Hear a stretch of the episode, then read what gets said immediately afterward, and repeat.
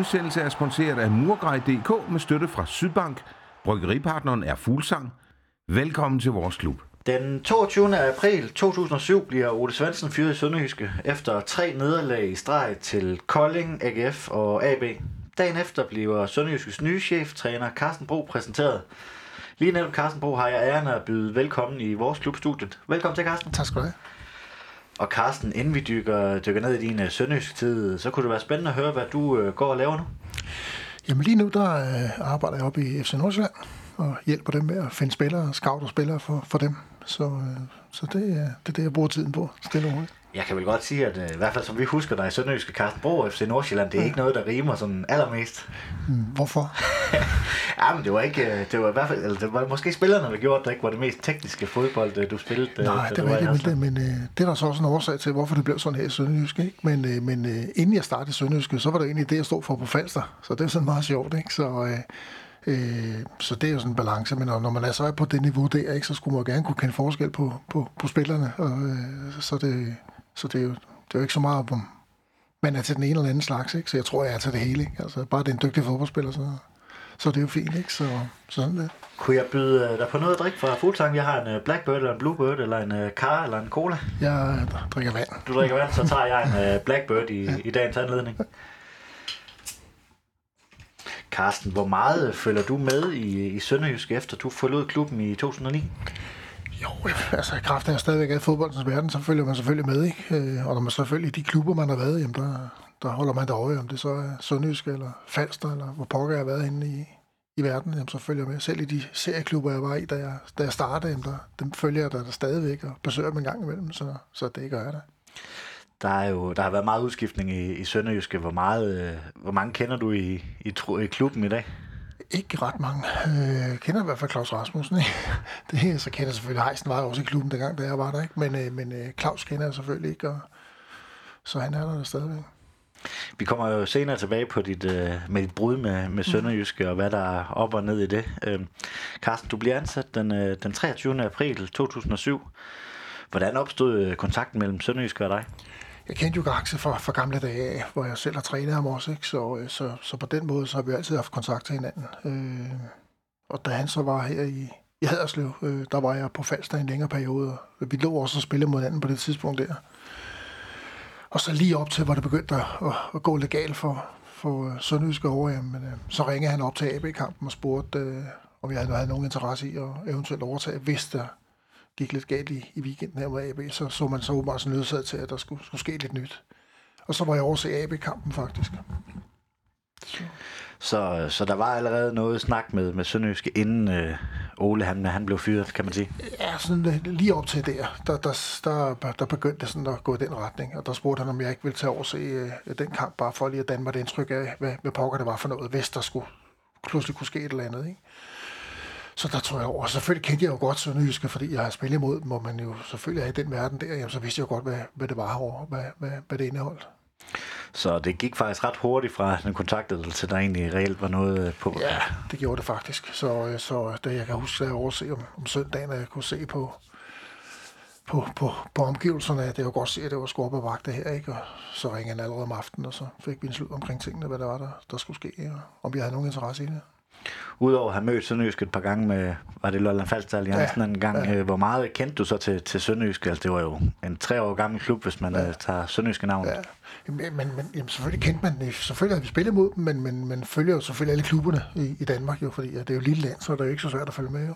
Så, øh, så på den måde vidste jeg jo rimelig meget om dem. Altså, og de havde ikke noget sådan super ry over på Sjælland. Det havde de ikke. Altså, altså det var sådan lidt... Uh, hvis det jeg kan huske fra, når vi skulle spille mod dem, ikke, så var det sådan lidt, dengang var FCK jo ikke så populær, og man grinede lidt af dem på, på Sjælland ikke, og København, hvor de var lidt, lidt fornemme, ikke, og det var egentlig det, man kaldte Sønderjyske dengang, ja, det var Jyllands svar på FCK. Ikke? Så, øh, så på den måde var, var på Sjælland var de ikke sådan så populære. Jyllands svar på FCK, simpelthen, den tror jeg ikke, jeg har, jeg har hørt før.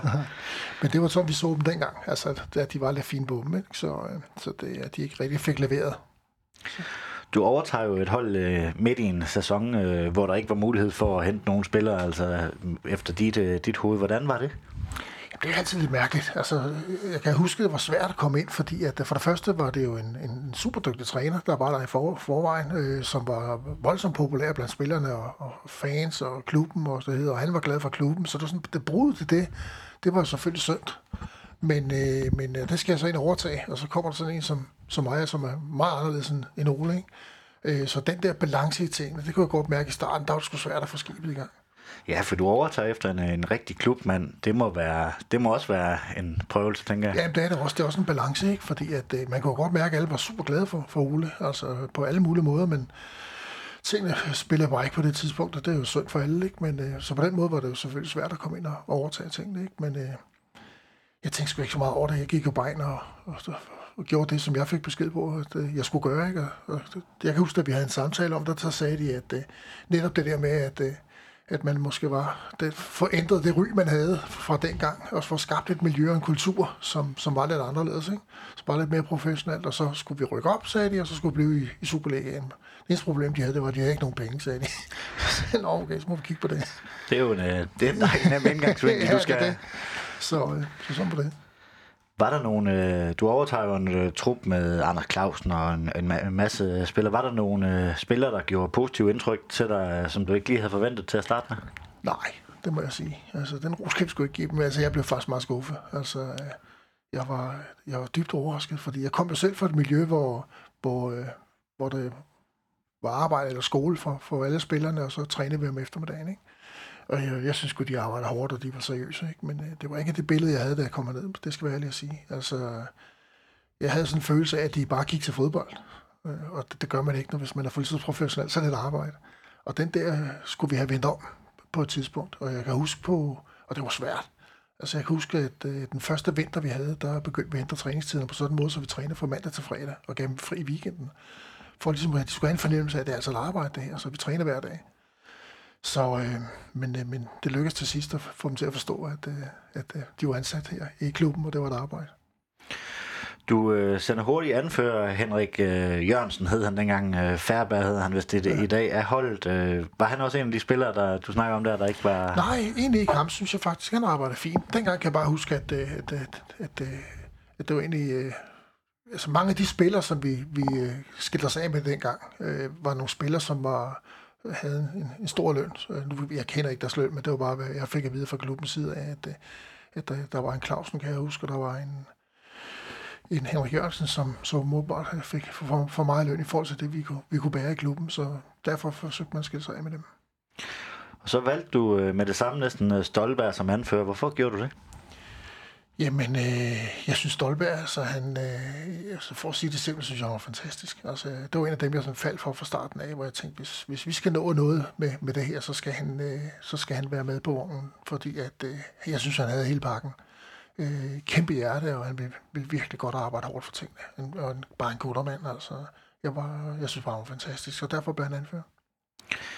Du overtog et øh, hold, som var nedrykker fra Superligaen, havde fået 11 point i de første 11 kampe. Hvordan var stemningen i truppen, da du, uh, du kom ind? Ah, den var skidt. Det er jo klart, at man er jo mærket, fordi man, man kan jo godt mærke, at der er pres på, og man gerne vil op, og altså, den der energi, der er i det, ikke, den er bare, den er bare flad. Så, øh, så det var, jeg kan huske, da jeg kom i starten, hvor jeg synes, at der var, vi startede faktisk med at få sagt skabt noget liv i omklædningsrummet fordi det var, det var helt dødt dernede. Altså, og det er kun naturligt, fordi at når det er gået, som det er gået, ikke? Altså, så, så bliver det jo sådan. Hvordan, øh, kan du huske, hvordan øh, Sønderjyske lå i tabellen? Jeg mener, det var på en 4-5. plads ja, eller sådan noget. det nummer 6. Nummer 6. Øh, der var 10 kampe tilbage, øh, da, du, øh, da du overtog. Hvad var målsætningen for, for sæsonen?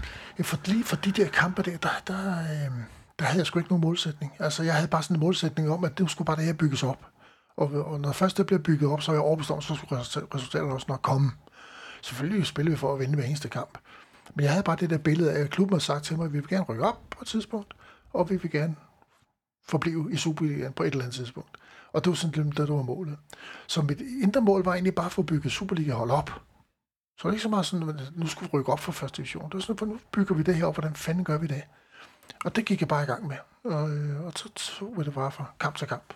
Så der var heller ikke nogen tidshorisont på, altså det var ikke sådan, det, det skal være næste år? Eller det... Nej, men altså, det, det var kun mig selv, der havde sådan. Altså, jeg havde sådan, at altså, efter de 10 kampe, der var tilbage der, der havde jeg ikke et billede af, at vi skulle rykke op, for det kunne jeg godt se, hvor svært.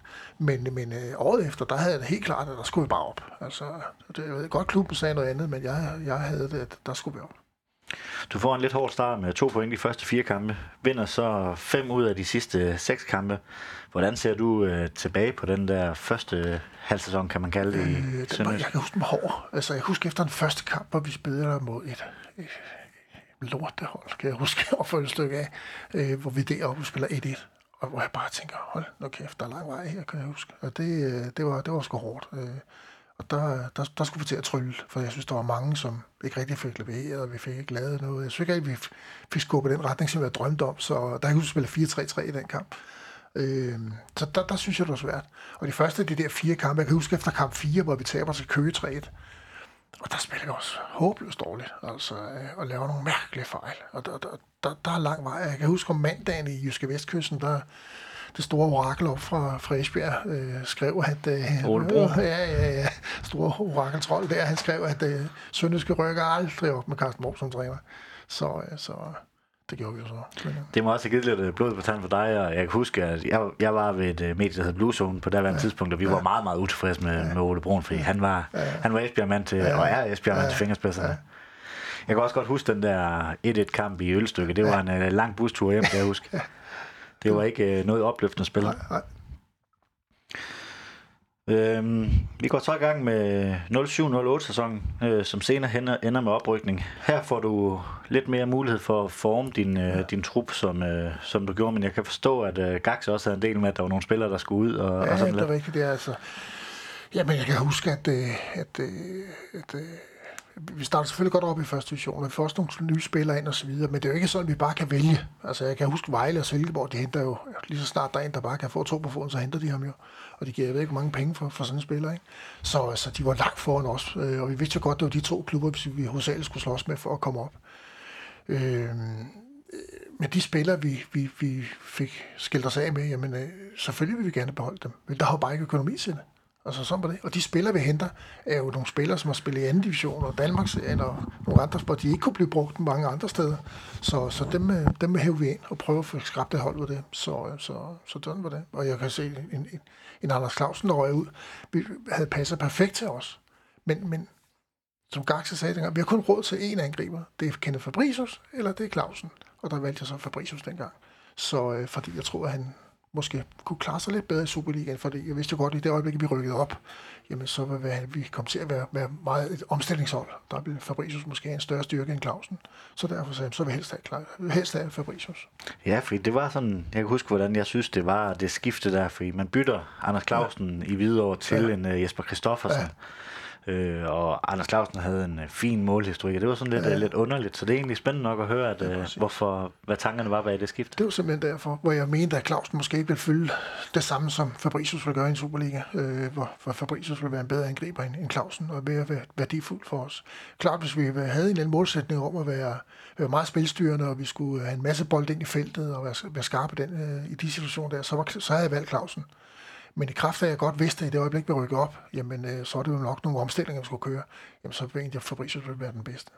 Derfor valgte jeg ham. Hvordan er det så som træner, for jeg har også haft uh, Anders Clausen i studiet, eller været over at besøge ham, hvor, hvor han gav et indtryk af, at han havde været i klubben halvanden år, men fået et kæmpe hjerte for Sønderjyske.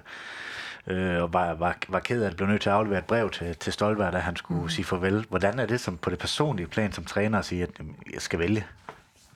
Ja, men, øh, det, nu har jeg været der i, i branchen mange år, og selvfølgelig er det svært, altså, fordi at, øh, at øh, man vil jo gerne beholde dem alle sammen. Og jeg kan også huske med, både med, med Clausen øh, og- og Fabricius, at det, det var ikke sådan, jeg bare gik ind og sagde, så er det sådan her, vi gør. Det er noget, man tænker over længe. Altså, hvad, hvad, hvad fanden vælger jeg? Og man spørger selvfølgelig Garx, er du nu også sikker? Og, man vil gerne beholde ham, ikke? Men øh, selvfølgelig surt, når man så må skille sig af med spillere. Det er, det er rigtig ærgerligt. Selv med spillere, som man er helt overbevist om, aldrig nogensinde kommer nærheden af holdet, at der er svært at gå ind og sige til at sige, hvad, du, du er sgu ikke rigtig øh, med i billedet. Så, og det er især lige da jeg startede i klubben, og den overgang fra, da vi har spillet de 10 kampe, der var der rigtig mange, der skulle siges fra, som jeg ikke rigtig troede på. Så, øh, og det var da også svært, selvom... Ja, for du laver lidt et generationsskifte og henter nogle, øh, nogle yngre spillere ind. Du henter en David Aarhusted, du henter en Jesper Kærhulf, Rasmus Hansen. Hvordan var, var du tilfreds med den trup, du, du endte med til øh, den oprykningssæson? Ja, det, det, ja, selvfølgelig ville man godt have haft nogle andre typer spillere. Øh, det skal der være ærlig at sige. Men altså, Rasmus henter vi op i IKAST i en Danmarks klub, ikke? Jesper spillede i øh, FC Fyn, øh, røven af 4. division, ikke? Og hvor David Årsted var jo tredje og fjerde målmand i Brøndby og AB, altså, og AB spillede ikke engang i, i Superligaen på det tidspunkt, det var i første division, ikke? Så, så, så der skulle hentes nogle billige spillere, som vi troede, vi kunne, vi kunne udvikle.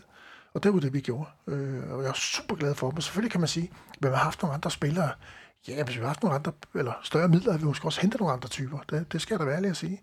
Men, øh, men som tingene udvikler sig, så vil jeg ikke bytte dem for noget som helst. Altså, det vil jeg ikke. Nej, fordi at, øh, selvom de er hentet på, på lavere hylder, så var der jo nogen, der, der, der slog igennem, både ja. i første division, men også senere i Superligaen. Ja, TV Osted, han spiller over i USA ja, ja. i dag og har gjort en fin karriere. Ja, ja det er rigtigt. Så, øh, så det, på den måde var det jo fint.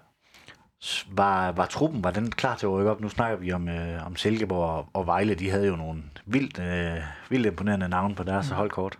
Det var det, der var forskel, synes jeg, på, på, på de tre klubber her. Øh, jeg havde bare det der billede hele tiden, at hvis vi skulle rykke op, så skulle vi også have en chance for at overleve i Superligaen. Så øh, og med de midler, vi havde, så blev vi allerede på, de, på daværende tidspunkt nødt til at arbejde ud fra, at vi spillede Superligaen. Så måden, vi trænede på, måden, vi organiserede holdet på, det var egentlig ud fra, at vi rykkede op. Og det vil sige, at vi kom til at spille mange kampe, som øh, på en måde, som ikke rigtig passede til modstanderne faktisk. Men jeg var ligeglad, fordi jeg, jeg havde bare sådan et billede af, at hvis vi skal rykke op, så skal det også være, fordi vi kan klare os derop. Så da vi, det øjeblik, vi rykkede op, sammen med Vejle, så kan det godt være, at Vejle fik flere point end os, og de havde langt flere spillere, langt flere midler, men de var langt bagefter os. Det fattede de bare ikke. Fordi vi havde arbejdet så lang tid, og vi var så forberedt på den Superliga på alle parametre, hvad de ikke var. Øh, så det, fordi den måde Vejle spillede på i første division, det kunne de aldrig nogensinde gøre i Superliga.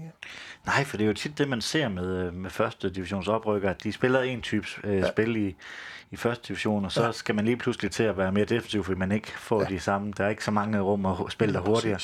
Så, så, så altså, hvordan, hvilken tanker gjorde du der om, at det skulle være, at nu gør vi det her fra, fra dag 1 af i første division, og så... Jamen, da jeg blev ansat i, i, i Sønderjyske og gang, da de fortalte mig om, at de gerne ville, så satte jeg mig ned og analyserede de hold, der havde været op før os. Altså, det var Haderslev selv været op og få, få nogle af næsen, ikke? Vi havde B93, der var Lyngby, der var Køge, og jeg kan huske Lyngby især, hvor jeg i to omgange også ikke, øh, kom op og stod tilbage og synes de havde gjort det fantastisk og spillet smart fodbold og alt det der. Ikke? Og jeg bare jeg kaste op, altså, fordi altså, hvis man rykker ud, så kan man ikke stå og klappe sig selv på ryggen. Vel? Og der vil jeg ikke stå, det lovede jeg mig selv. Så, øh, så vi arbejder faktisk derfra og synes, hvad, hvad, hvad, hvad fanden skal der ind til? Hvordan kan vi gøre det her? Og, og med, med den trup, vi havde, og det budget, vi havde, Øhm, så troede vi jo ikke på, at vi kunne gå op og være spilstyrende. Vi troede ikke på, at vi kunne gå op og spille offensiv smart fodbold og så overleve. Altså, det, det kunne vi jo ikke. Så siger man, og, og klubben havde den, der sagde, at vi skal overleve. Hvordan fanden vil du gøre det, ikke? Jamen, så var der kun én vej. Det var at finde kriger. Altså, det var det, vi skulle. Og så måtte vi, det øjeblik, vi rykkede op, så må man bygge på derfra. Men vi skulle op og have fat i de tv-penge, der var deroppe. Så det var simpelthen det, der drejede sig hvis vi lige vender lidt tilbage til, til første division, så var målsætningen, den var jo øh, top 5, den officielle. Mm-hmm. Du har sige, at du har en anden. Svende havde været tidligere været ude at sige, at, at ledelsen havde lagt for meget pres på spilleren. Var det måske også derfor, man, øh, man valgte sådan en lidt, øh, lidt vag øh, ja, udmelding? Det kan så godt være, jeg ved det ikke. Det var, hvad de sagde, men jeg sagde noget andet selvfølgelig ikke, fordi jeg blev bare op. Øh, og jeg kan nu altså godt lide, at der er pres på. Og det samme, da vi, da vi var rykket op i Superligaen, der sagde jeg også, at vi rykker ikke ud. Og, og der kan man så sige, at det er jo også at lægge pres på. Men altså, jeg synes jo, en, en del af det, årsagen til, at vi er på det niveau her, det er jo fordi, vi godt kan lide at spille under det pres. Så det er, jeg tror ikke på, at man kan lyve. Altså, hvis man har et fuldtidsside op i første division og går ud og siger, at man bliver nummer 5, den købte jeg sgu ikke rigtigt. Altså, så, øh, så det kan godt være, at det var lige for at, at dæmpe det lidt og stille og roligt. Ikke? Men, øh, men, øh, men med egen målsætning, den var helt klart, at vi skulle være de to bedste. Du nævner selv, at de spiller 4-3, 3, øh, eller 3-4-3, undskyld. Øh, det gør I også i, i, i starten af sæsonen. Hvorfor, hvad var tankerne bag den her formation? Øh, nu er det jo nærmest blevet moderne. Du gjorde ja. det bare lige 10 år for tidligt. Ja, og dengang fik jeg at vide, at jeg var gammeldags. Så det er meget morsomt, at de gør det nu. Ikke? Hvad fanden er de så nu? Ikke? Så det, var, det, det er helt håbløst. Men øh, jamen det, det, var, det var helt klart, at øh, alle de hold, som var rykket op, de spillede 4-3-3 eller 4-5-1. Og de, de, de havde alle sammen problemer med at øh, organisere sig i det system, vi får for, for mange af modstanderne. Øh, så det, der tænker jeg, det, det, når de ikke kan, så kan vi sgu heller ikke. Altså, så der prøvede jeg at ændre lidt på det, så tænkte hvad er det, der egentlig skal, skal kunne true et, et hold offensivt øh, fra vores side af over for modstanderen. Og der fandt jeg frem til, at, øh, at jeg ville gerne have to angriber. Ud fra, at, øh, at selve øh, den måde at angribe på, når vi havde for eksempel Fabricius eller en Ildsø eller en Kæv, som var så utroligt dygtig til at angribe et, et, et, nogle, nogle forsvarsspillere forfra, øh, frem for at tage imod indlæg ind i feltet, jamen så tænkte jeg, så gør vi det og lægger dem ind til deres midterforsvar. Ydermere så stod jeg sådan og tænkte på, jamen, hvor fanden bliver målene scoret henne? Ikke? Jamen, det gør det sgu nok inde i vores strafsfelt eller deromkring. Så tænkte jeg, så sagde jeg, at jeg skal bruge tre midtstopper, og de skal være stærke, som ind i helvede. Og det, øh, det fik vi så fremskaffet. Så giver det nogenlunde sig selv, når man siger, at vi har tre dernede, vi har to deroppe, så, sætter, så sætter vi to ud på kanterne, og så tager vi tre ind i midten. Så er vi sådan rimelig organiseret. Og så arbejder jeg med det. Og det tog lang tid, det begyndte at fungere. Jeg arbejdede allerede med det i første division, og det var ikke ud for, at det, fordi i første division var det en hemsko. For vi spillede ikke særlig godt i første division, for det passede helvede til, til at spille i første division. Men jeg havde bare det der med, det er det, vi gør i Superligaen. Sådan, så vi var forberedte på det, så jeg skulle arbejde hen over sommeren med at ændre tingene. Så det var en helt klar øh, øh, idé omkring det. Jeg husker sæsonen som et, øh, et, light, eller et langt sejt træk øh, kapløb med, med Silkeborg. I en sæson, hvor Vejle de slog øh, pointrekord. De mistede 12 point i hele sæsonen. Sådan overordnet set, hvordan husker du øh, den sæson? Jamen, øh, fint. Altså, jeg, jeg, jeg skal helt ærligt, så er jeg ikke med minut i tvivl om, at vi op. Øh, ikke med minut i tvivl. Jeg synes, Silkeborg var dårlig. Altså, øh, jeg kunne godt se, at Vejle var meget bedre end os andre, men jeg synes, det var fantastisk at få Vejle med, for jeg mente jo, at de ikke var parate til at spille Superligaen. Så jeg, jeg synes, alt passede perfekt til os. Jeg kan huske efter, det var lige nøjagtigt i runde 16, kan den allerførste kamp i øh, den sidste halvsæson, der sidder vi oppe i Vejle og ser en, en kamp, Nikolaj Wahl og jeg. Øhm, og der øh, er jeg på vej ud af stadion, og der, der, der, der siger jeg til Nikolaj også, at du kan roligt sige til klubben, ikke sætte champagne på køl, for vi rykker op i år. Det er jeg slet ikke i tvivl om. Så, øh, så det, øh, det var jeg ikke i tvivl om. I ligger jo også øh, rigtig godt ud, og det jeg tænker også, ja. det er derfor, der var lidt, uh, lidt selvtillid. 13 point i de første fem kampe. Medierne begynder allerede at skrive om, uh, I er på vej i Superligaen. Hvordan uh, takler man det som, uh, som uh, cheftræner for en, en, en trup? Altså, der er også mange yngre spillere, der det kunne godt, godt gå i hovederne på dem. Ja, det var egentlig meget fint. Og heller det, de skriver, at uh, vi ikke har en chance for at komme op, så, så det var egentlig meget positivt. Så, så det, det tog jeg ikke så tungt. Så, uh, så så længe der er sådan noget positivt skriverier i, i medierne, så er det jo egentlig fint nok det, opgave for mig var bare at holde skruen i vandet. Så, så det gjorde vi. Og jeg synes jo, da jeg var så sikker på, at vi nok skulle rykke op, så var det egentlig ikke, egentlig ikke fordi jeg synes, vi var fantastiske. Det var ikke der, jeg var. Det var egentlig mere, fordi jeg synes, Silkeborg var skidt. Så, så der var sådan en balance i det. Ikke? Jeg husker, der var øh, efter vinterpausen, der henter man en øh, avnskjold, øh, Mark Olsen. Det er også her, Jesper Kristoffersen først ja. kom, kommer ind. Øh, man ligger nummer to. Jeg kan huske, der altid var en uh, degn, jeg tror tre eller fire gange var han ude og sige til medierne, at vi er bedre end Sønderjyske. Mm-hmm. Så ugen efter, der slog vi, der slog, slog, i, slog i Silkeborg. Avnskjold havde, var med i den der sådan, tilbage til uh, degn. Så det var meget sjovt, ja, det der ja. offentlige mediespil, der ja, var der. Ja. Øh, I henter jo en, en del, øh, altså nogle spillere ind. Var det også at sige, at I lægger nummer to, nu går vi all in på den her oprykning, at der bliver sat, blev der sat lidt mere i vinterpausen, end, Nej, end der blev gjort? altså du kan også se på de navne, der bliver hentet ind, ikke? de er jo ikke nogle dyre, dyre spillere. Altså, det... Jeg tænker, Avnskjold øh, har tidligere dansk mester, øh, ja. Landskrone, ja. mener han kom fra. Mark Olsen, øh, kendt navn alligevel fra Brøndbys øh, talentsektor. Ja, og så, ja, afskåret på aftægt. Ja. Så, nej, det var ikke dyre spillere, det vil jeg gerne love dig. Så, øh, så, men, men spillere, der passer fint ind, helt sikkert. Vi har jo snakket om den her øh, Jesper Kristoffersen, Anders, Kærl, eller, øh, Anders Clausen, øh, så det var her, der var jeg lige lidt for tidligere før. Sæsonen øh, var jo heller ikke helt uden drama. Øh, jeg sad her og skulle lave en manus til den her. Der var jo nogle ting, man egentlig helt havde glemt. Øh, til en uh, træningsstation, der Bosuna Jeni, han bliver fyret, uh, uh, som, så vidt jeg husker, eller ved den eneste spiller i, i klubbens historie, på grund af to skaller mod Ken Fabricius. Hvordan husker du den situation? Jamen, jeg kan faktisk huske, at det, det var efter en kamp, hvor, øh, hvor, hvor, hvor hvad skal man sige, vejret var fint, og, og det var en mandag, og alt var stille og roligt, så jeg var nede i omklædningsrummet faktisk og snakke med spillere. Og så, øh, så lige pludselig kommer Kenneth Fabricius ind i omklædningsrummet, og så siger han det her, hvad der var sket. Og første gang, han siger det, så tror jeg simpelthen ikke på ham. Det er bare, husk, jeg husker det der, ja, ja, det er fint, som om det var bare for sjovt, han sagde det, ikke? Og så kunne jeg godt se, det var sgu alvor, det her. Øh, og så kan jeg bare huske, at, øh, jeg, øh, Gaxa kom ned i omklædningsrummet, øh, og så tog vi en slud, og så, så, jamen, så var det egentlig Gaxa, der kørte racet derfra. Så, øh, så det var fint nok. Så ret kort proces egentlig. Jeg husker heller ikke Både Sund, som øh, var, øh, var fast spiller, så det var vel ikke, øh, ikke svært øh, at vælge der, eller hvordan? Nej, det kan man måske også sige, men lige meget hvem, der har gjort det, så har det jo ikke været godt, vel? Altså, så, så måtte man jo tage den beslutning, ikke? Så... Hvordan klarer man sådan en situation, sådan indtræden i en, i en trup? Øh, er der noget oprydning, der ligesom skal, ja, skal men, til altså, man tager selvfølgelig en slud altså, omkring tingene, men lige i den situation, der, der mindte jeg, at det var Gaxa, der tog, øh, tog ansvaret for tingene og, og gjorde det rigtig godt omkring alle de der ting. Så det var, der, der, det synes jeg, det, det, det klarer han rigtig, rigtig fint. En anden situation, øh, jeg også øh, husker svagt, øh, som jeg blev nødt til at læse op på, det var øh, Kærulf, Johnny Thompson og Michael Larsen, øh, der må tilbage en øh, nat på skadestuen, fordi de blev kop, øh, pågørt af en øh, polsk spritbilist, tror jeg, der stod i medierne. Hvad, hvad var det første, der gik igennem hovedet, øh, da du fik den besked? Altså, nu væltede vi os ikke i spiller, så da, da jeg fik den besked, der også, der sagde nej, nej, nej, nej, nej, og der så jo også et eller andet med, at nu skulle det være ude i lang tid, ikke? Der er tre meget vigtige spillere, ikke? Så, øh, så det, var, det var klart, der, der bandede jeg også lidt, ikke? Så, Ja, for det var jo tre bærende profiler. Ja. Øh, heldigvis skete der ikke, ja. øh, ikke noget. Jeg kan også huske, at jeg tænker, tænker det første, nu, ja. nu vælter korthuset. Altså, Ja, en- præcis. ikke, og det, det var tre rigtig ja. bærende profiler, ikke? Så det, øh, det kunne, kunne det have båret det, hvis man havde mistet tre profiler til, at de skulle være ude i 14 dage. Det er jo svært at gætte om. Ja, det er det jo selvfølgelig ikke, men altså, jeg, det vil jeg have været meget ked af. Hvor stor en lettelse var det så, så at rykke op i en, øh, jamen, en, som vi lige har nævnt, en, øh, en sæson, hvor alt ikke var bare fryd og gammel?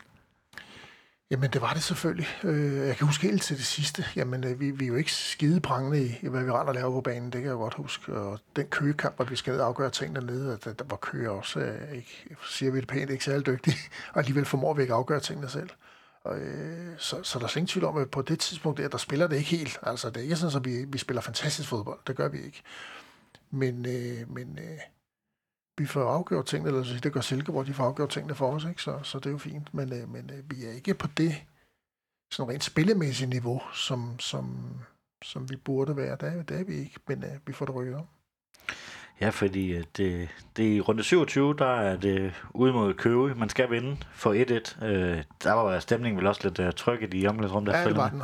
Der var, der var vi selvfølgelig dybt skuffet, ikke? fordi vi ville gerne have afgjort tingene. Ikke? Men øh, det fik vi så ikke gjort. To timer efter, der bryder jubel så løs. Hvordan husker du det? Jamen, jeg var hjemme, så det var bare stille og roligt. Jeg tog så bare telefonen, og så konstaterede, at nu er vi så i Superligaen. Ja, det sjove var jo egentlig, at Anders Clausen, som du ikke uh, kunne bruge, uh, ham sendte du lidt undercover alligevel. Jeg, jeg, jeg, ved ikke, om jeg kunne, jeg kunne godt bruge dem jo, ja. men, øh, men øh, hvad hedder Der var ikke råd til ham. Nej, lige præcis.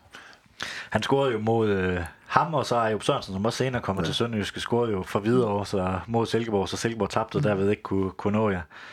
Øh, fik han en ekstra øh, personlig hilsen for dig? Det kunne Nej, jeg godt. Øh, det nej. var ikke, øh, det var ude af vand over. ja. Ja.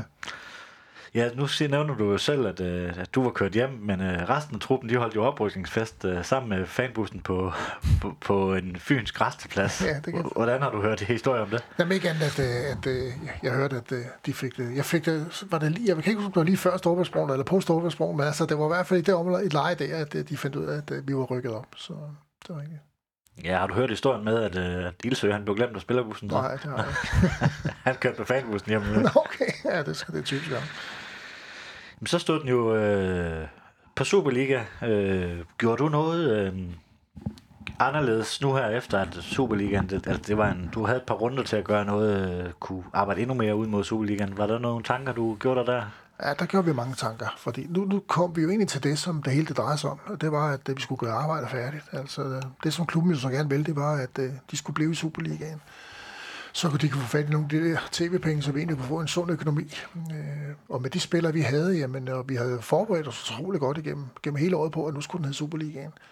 Så, øh, så, øh, så skulle de sidste ting jo bare gøres på plads. Øh, og det vigtigste for mig, man kan sige, ændring i forhold til Superligaen og, og første division, det var jo, at øh, jeg vidste jo godt, at, øh, at medierne jo var 100% sikre på, at vi blev, blev sidst med ikke ret mange point. Og jeg skulle helst have det på en sådan måde, at spillerne ikke troede på det. Altså, jeg skulle gerne have ham til at tro på, at, øh, at øh, vi kunne forblive i Superligaen. For den der tro på tingene, den er del med vigtig. Og jeg kan fortælle sådan en lille historie med, hvor, hvor undervurderet vi var. Det var, at øh, som sæsonoptakt, der havde BT en artikel øh, om hver Superliga-klub, sådan hver dag op til sæsonstarten. Og øh, så satte de holdet op, de 11 starter, så man formodede, hvordan hvis holdet var stærkest, hvordan det så så ud. Og så har man sat det på de forskellige positioner. Øh, vi har så spillet 3-5-2 i næsten hele sæsonen i, øh, i, i første division, og så er de sat Dobson 4-3-3, og Nikolaj Wahl, som var assistenttræner, var sat ind på, på 10'eren. Altså, det er nogenlunde det samme, som hvis man satte en Lodberg ind, som starter på, på Sjønødske hold i, i dag mod Nordsjælland, ikke? Og det ville opleve blive betragtet sådan lidt useriøst, ikke? Og det var der, vi var. Altså, det var ligesom starten og velkommen til Superligaen, ikke? Det er det, vi synes om jer, ikke? Og, øh, så, så, øh, så allerede der, der vidste vi jo godt, at vi skulle holde øje med, hvad medierne skrev omkring os, fordi de ville bare prøve at hakke os ned hele tiden. Så jeg skulle bare have skudt det ned. Og det gode ved det var, at øh, jeg havde sådan en rimelig god fornemmelse af, at øh, det var det, de ville gøre selvfølgelig. Så allerede inden, at de begyndte at skrive for negativt om os, jamen, så var jeg ude og for, fortælle spillerne om, hvor, hvor tosset dine medier var, så, så, så vi som, kunne få skudt det ned hen ad vejen. Ikke? Hvor vigtigt er det sådan at være også i den mentale del? Altså, man kan være en god fodboldtræner og god taktiker, men, men også det der med det mentale del. For eksempel det der med at øh, komme ind i spillerens hoved og forklare dem, at vi er ikke så dårlige, som de skriver. Jamen, øh, for vores, det er selvfølgelig nok forskelligt fra klub til klub, men for vores fase her, der var den jo utrolig vigtig. Altså, jeg tror aldrig, jeg har læst så mange aviser før, som, øh, som jeg gjorde den periode der. Jeg har faktisk, og det her det er ikke engang løgn, det jeg siger, da jeg stoppede Sønderjyske, siden har jeg faktisk ikke læst en avis. Jeg, jeg følger selvfølgelig øh, nyheder i, i fjerneren og så videre, ikke? men siden der har jeg sgu ikke læst en avis, for jeg læste aviser hele tiden. For at følge med hvem fik nu bundkarakter i, i forskellige medier, og hvem blev svinet til, og så videre, så videre, så jeg hele tiden kunne få rejst dem op og, og få, få, få kørt det med, fordi spillerne læser, læser selvfølgelig medierne, så øh, og hvis de begynder at tro på alt det lort, der står der, ikke, så har jeg et problem. Hvor lettet var du så over at, øh, at indfri din egen personlige målsætning, nu rykket op? Øh, var det sådan en lettelse, eller var det, nu skal vi faktisk først på med arbejdshandsken? Ja, det var lige nok sådan, jeg havde det. Altså, så jeg, jeg var jo hele tiden sikker på, at vi også skulle rykke op. Altså, det, det var jeg egentlig ret sikker på. Men øh, så, så jeg havde bare sådan, at nu skal vi først til arbejde. Altså, sådan havde jeg, da vi rykkede op. Det, det er nu, det sker. Så, øh, så sådan havde det. Så det var ikke sådan, at jeg sad og jublede derhjemme over, at vi rykker op. Altså, det var bare, jamen det var fint. Nu skal vi først til arbejde. Ja, for en ting er vel at rykke op, en, øh, en, eller, øh, men en overlevelse, det er en helt anden størrelse. Ja, og det var her, jeg synes, det begyndte at blive sjovt. Altså, fordi det der pres, der nu kom på, at øh, også fordi jeg gik ud og sagde til medierne, når de sagde, at vi rykker ud, så det gør vi ikke, så altså, vi rykker ikke ud. Og så det pres, der så kom ud fra det, det synes jeg var fedt. Altså, det var, det var, det var der, vi begyndte at leve, ikke? Så, øh, så det var fantastisk. Klubben får jo så tilført noget kapital med, med Thomas Nitz. Hvor, hvor stort havde det øh, af betydning, at de lige altså tv-pengene kom jo, men, men også at de, at de fik lidt flere midler at gøre godt med til, øh, til spillerkøb? Ja, det var begrænset, hvad vi fik købt ind, ikke? Altså, fordi det er jo, stadigvæk er det ikke sådan, at vi, vi gik ud og købte en masse spillere. Det gjorde vi jo ikke, for det havde vi ikke mulighed for. Så det var stadigvæk spillere, som andre klubber ikke rigtig kunne bruge, eller for lavere plan. Jeg kan da huske, at vi fik øh, Sølvi ind øh, den sommer. Øh, han spillede Jyrgården, som lå suveræn sidst i Allsvenskan, og der var ikke nogen, der ville have ham overhovedet. Så fik jeg stukket en DVD i hånden af gang, og sagde, hvad med har? Der spiller han øh, dem som midtband den dag, den kamp, jeg så, kan jeg huske. Om vi kunne bruge ham øh, fordi så kunne vi få ham. Og da jeg ser dem, så det kan vi godt, men vi skal stadig ikke bruge ham som midtbane, så for det går, det, det går aldrig godt. Men, øh, men øh, vi sætter ham ned i midterforsvaret, så, så bliver han en gave til os. Og så tog, tog vi ham. Og der var ikke nogen andre, der ham. Og så gik der 12 måneder, og så ville alle ham lige pludselig. Ikke?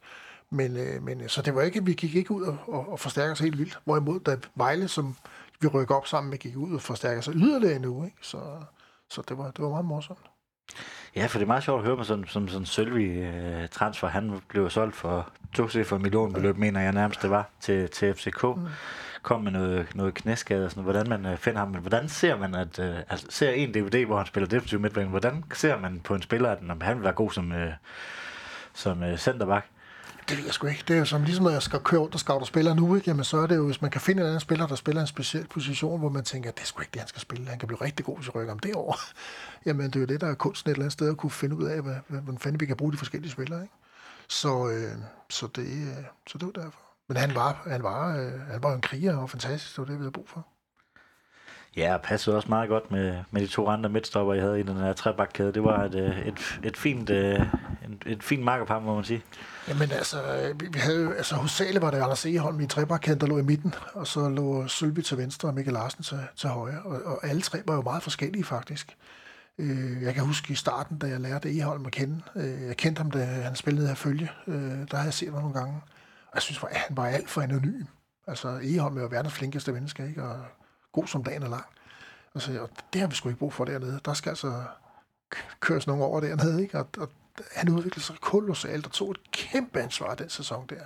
Virkelig en profil, og jeg synes, han blev fantastisk nede i midterforsvar. En kæmpe styrmand, øh, fordi han er jo sindssygt skarp øh, med hensyn til organisation og struktur. Michael Larsen var jo fantastisk også, ikke? Så, så det var nogle, nogle gode drenge, vi havde dernede. Vi er i en øh, sæson, hvor, øh, hvor der er et, du har et par, par udfald mod, mod dommerne. dommerne kan jeg huske. Øh, du øh, kalder en dommer for en øh, tyk lille skoledreng. Øh, hvordan var det at komme så meget i medierne med, øh, med nogle udtalelser på grund af nogle følelser? Ja, det ved jeg sgu ikke. Det tænker jeg ikke så meget over. Altså, det var så dog ikke det, jeg sagde. Men, øh, men øh, hvad hedder det? Jeg kan godt... Øh, jamen, du kan få kort øh, historie. Vi er oppe i Aarhus og spille. Øh, og som folk nu kender mig efterhånden forhåbentlig, eller kan huske, hvordan vi var, det er, at øh, jeg kæfter bare op. Og fordi det miljø, jeg normalt kommer fra, øh, jamen der snakker man bare, der kæfter man op. Og, der, det, og, og, og, og, også nogle gange så siger man bare spejlæg, eller man siger et eller andet, nogle ting. Og jeg kan huske kampen op i Aarhus, der, jeg synes, vi bliver snydt på det groveste. Og vi havde brug for alle de point, vi havde brug for. Og der blev vi snydt lige til sidst, og vi var straffespark imod os. Og det dømmer han så lige til sidst, hvor han står langt væk fra situationen. Og jeg kan huske, at jeg går ind i omklædningsrummet og var sur. Jeg sagde ikke noget under kampen. Jeg går ind i omklædningsrummet, eller går et helt kvarter ind i omklædningsrummet, og sådan, hvor, hvor Gaxa kender mig også, kan jeg huske. Så, så han sagde til mig, blev han en halv time, så jeg så bare for at godt se, at jeg var så sindssygt sur, ikke? Øh, så lad være at ned for fanden, du går ud. Så ja, ja, så, så, så, så var der gået et kvarter tid, så ja, ja, nu går jeg sgu ud og snakker med journalisterne, jeg vil ikke lade dem vente. Der kan jeg huske, de står der og venter. Og så er der en, der spørger mig, og det er faktisk, øh, det er en kvinde fra den der tyske avis, jeg kan ikke huske, fanden der. Det var Slesvig. Ja, det var hende, og hun spurgte mig så, hvad synes du om dommeren? Og så sagde jeg så bare, jeg, jeg, jeg kan ikke huske, hvad jeg sagde en masse ord, men så kaldte jeg ham tyksak. Og, og jeg tænkte ikke mere over det, fordi selvfølgelig er han ikke tyk, og det var helt åndssvagt at sige. Men det var bare, det fløj ud af kæften, fordi jeg var pissur. Altså, øh, og så var der ikke mere af det, og så skrev jeg. Og så tænkte jeg ikke over det, og så, så tror jeg, der gik en dag eller to, så var, hele verden jo bare brugt sammen for de stakkels mennesker, ikke? Så, så sådan var det. Ja, du fik øh, to øh, dages karantæne for det her. Der var også, øh, jeg husker, øh, Ken, øh, Kens første dommergærning. Øh, nu, er, nu er efternavnet lige helt væk. Det kan jeg simpelthen ikke lige huske. Nå, men han, så det var op mod, øh, mod Vejle, ja, hans debut. Øh, der, der var du også ude og kalde det et dilettantshow, kan jeg huske, eller noget, Nå, ja, noget, rigtigt, noget ja. den, du... Ja, det var, der var jeg sat heller ikke tilfreds. Det kan jeg huske, det var jeg heller ikke men, på- Men, men, men jeg, skal, jeg skal fortælle dig, der var på det tidspunkt der, der var øh, en helt speciel årsag. Øh, og så kan man lide det eller være, men jeg synes på det tidspunkt, at, at, at, at udover medierne var selvfølgelig var efter os, så havde jeg sgu også en følelse af, at dommerne på et tidspunkt tænkte, jamen altså, hvad fanden, I rykker ud alligevel, jo. Altså, om I lige får et eller tre eller nul point, det er jo ligegyldigt, de rykker ud alligevel, ikke? Men det var bare ikke der, vi var. Altså, altså det kan jeg simpelthen ikke. Det der. Altså, jeg havde sådan en følelse af, at Nå, men altså, om det lige går den ene eller anden vej her, ikke? det er jo ligegyldigt. Ikke? Så da jeg kæfter op der, der ændrer tingene sig også. Altså, de begynder at tage os mere seriøst, for de siger, hvad fanden mener de? Altså, for det var det, de første mange kampe, der var ligesom om, at, ah, hvad fanden, ikke? Altså, og der, derfor var jeg pisse over dommerne, for jeg synes ikke, de tog os seriøst. Så øh, derfor. Jeg kan huske, øh, da Kent Hansen, hedder han, øh, blev øh, pålagt øh, den her Vejle-Sønderjyske kamp. Øh, det var hans debutkamp. Der tænkte jeg også, at, øh, at det var en vigtig kamp for begge hold. Altså, det er jo, altså tre point vil jo gøre alverden for sådan to oprykker. Så jeg synes egentlig også, det var, det var lidt øh, nonchalant af, af DBU at sætte sådan en uprøvet dommer til, til sådan en vigtig kamp, som det egentlig var. Øhm, du fik jo lidt karantænedage for, det, for de her diverse øh, udsagn. Øh, hvordan er det så som øh, cheftræner ikke kunne være med på sidelinjen? Gør det jo, er det overhovedet en straf, eller... Ja, det, det er det vel nok. Altså, jeg, jeg, jeg, jeg kan da huske Randerskampen, der hjalp jeg jo lidt alligevel. Ikke? Så især lige til sidst, hvor vi skulle lave nogle udskiftninger, hvor jeg måtte have fat i uh, i valg, kan jeg huske, men uh, hvor vi hvor vi lige havde misforstået hinanden lidt, og så, så der manglede fem minutter, og så kan jeg huske, jeg gik derned. Øh, Det var Jesper Kristoffer, vi havde bødt ind, kan jeg huske, hvor han skulle stå et andet sted. Så det gik alligevel, så, så det var fint. Men jeg synes, Nicolai Vahl var fantastisk i den periode der, så det klarede han fint, så ingen problemer med det. Gjorde det så, at du tænkte lidt mere sådan efterfølgende, hvad du gik ud og sagde til medierne? Nej. Jeg, jeg, jeg tværtimod, for jeg fandt jo ud af, at det havde en enorm effekt.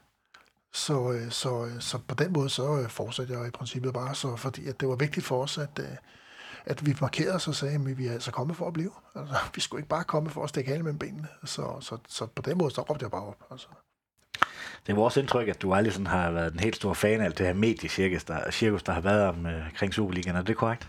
Fuldstændig godt. Jeg, jeg, jeg, jeg, jeg havde det som pesten, men altså, man blev en del af det, og man blev nødt til det, og jeg skal være ærlig sige, at jeg udnyttede det også jo, fordi sådan er det. De, de sviner også til jamen så udnyttede jeg det også på mange mærkelige måder, hvordan jeg kunne få det over til, til vores fordel. Så, så det gjorde jeg da. Så, øh, så, men altså, du har fuldstændig ret.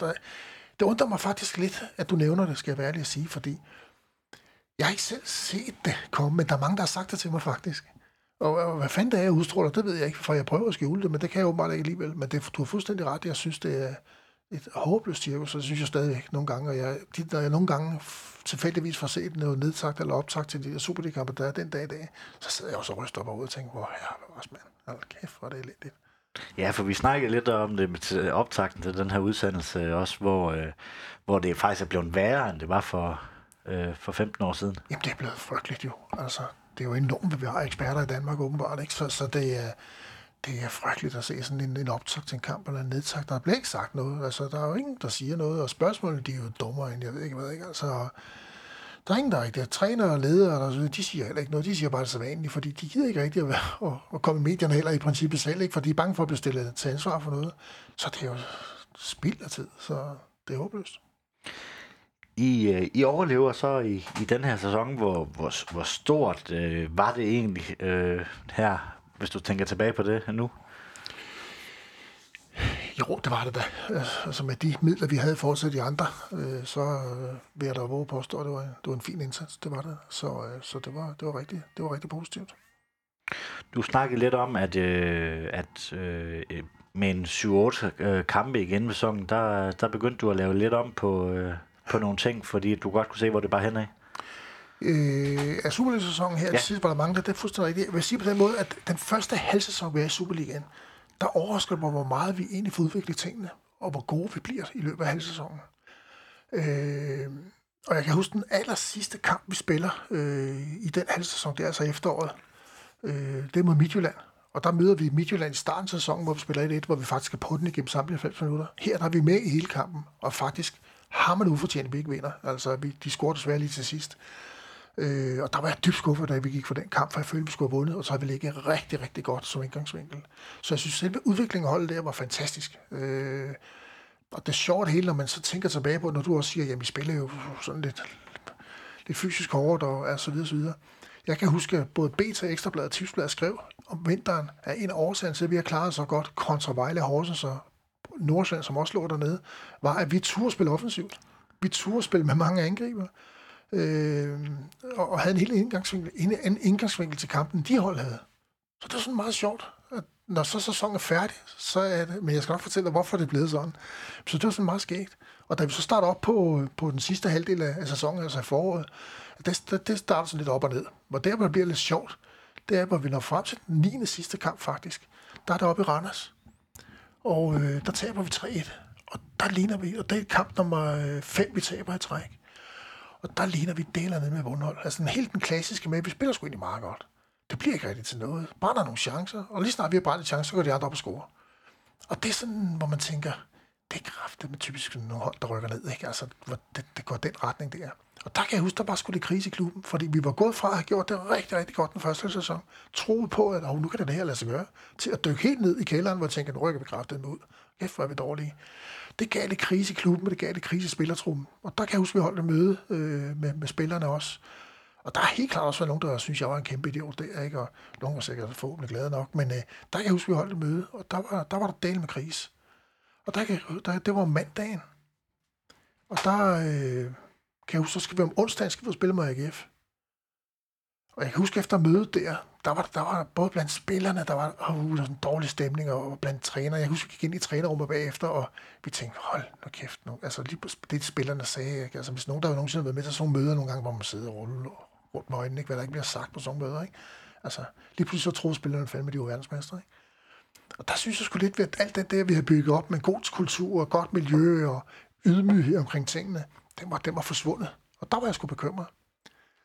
Og der kan jeg huske, at vi så skal møde øh, onsdag, der skal vi møde AGF. Der tænker jeg, om det der møde nogle gange, så ser jeg, så hanker de skulle lige op i sig selv. Så nu skal de fandme vise, at det ikke er dem, der er idioten, men, men træner, der er en stor idiot. Så jeg tænkte, nu, nu, nu kører vi sgu. Så tager vi 3-0 på hjemmebane til AGF. Og jeg kan huske en situation, hvor øh, vi har en kæmpe chance til at udligne. Og så i angreb efter går vi op, og så dropper Ibsen til, til 2-0. Og det var sådan en kamp, hvor jeg tænker, hold da kæft. Jeg kan huske, vi kom ind ned i omklædningsrummet bagefter, vi går ind i trænerrummet, og der er vi sgu nede alle sammen. Husk, Gaxa kom ind og siger, hold nu kæft, mand, og vi må sgu bare igen, øh, vi rykker sgu ud, sagde han så bare. Og jeg sad og hang på stolen der, øh, der blev ikke sagt meget, og jeg kører hjem. Og hele den tur hjem, der tænkte jeg, jeg blev mere og mere hissig, fordi jeg havde sagt det der med, at vi skal sgu nok klare den. Og der kan jeg huske, at jeg tænkte på vej hjem, det skal kraften være løgn, det her. Det er med med løgn. Øh, så kørte jeg hjem, og så skrev jeg en mail og en sms og så videre til alle i min omgangskreds, at det var forbudt at kontakte mig de næste to måneder, fordi jeg havde en opgave i, i Sønderjyske, der skulle løses, og jeg havde ikke tid til at snakke med nogen som helst. Øh, og så var der bare fodbold 24 timer i døgnet, for tænkte, nu skal det med med at overleve det her. Og der var jeg så heldig, for nu kommer alt det sjove, nemlig hvor, hvor små marginaler man leger med. Om onsdagen spiller man AGF og helt nede i kulkælderen. Min påstand er, at der er normalt Superliga rundt lørdag og søndag, men vi spiller først mandag. Så vi har nogle flere dage at gå på. Hvis vi skulle spille om lørdagen der, så havde jeg ikke noget at rette det til. Så havde vi tabt og også rykket ud. Men vi spiller først om mandagen. Og de træninger og de samtaler, vi har op til den Midtjylland-kamp, det ændrer helt lortet. Og jeg beslutter mig for, fordi jeg har spillet... Man har jo sådan, når man er træner, du sagde så, for, hvad med det mentale og så videre. Jeg har spillet samtlige kort, jeg havde ude at spille. Jeg havde spillet næsten samtlige kort med, hvordan jeg skulle forrykke spillerne. Jeg havde sgu næsten ikke flere kort tilbage. Jeg havde et kort tilbage. Og det spillede jeg. Og det var at spille på, spil, at spille på spillernes frygt. Og det var simpelthen, at, at, at de skulle blive bange for mig. Og så tænkte jeg, altså i stedet for at motivere dem til med noget glæde og så, videre, så tænkte jeg, nu, nu laver jeg ballade. Ikke? Så mødte vi op til lørdagstræningen. Så smed jeg de to mest rutinerede folk af holdet. Og sagde, I kommer ikke til at spille mere. Det var afskålet til Ibsen. Ud til højre med dem. David, du står resten af kampen, sagde jeg.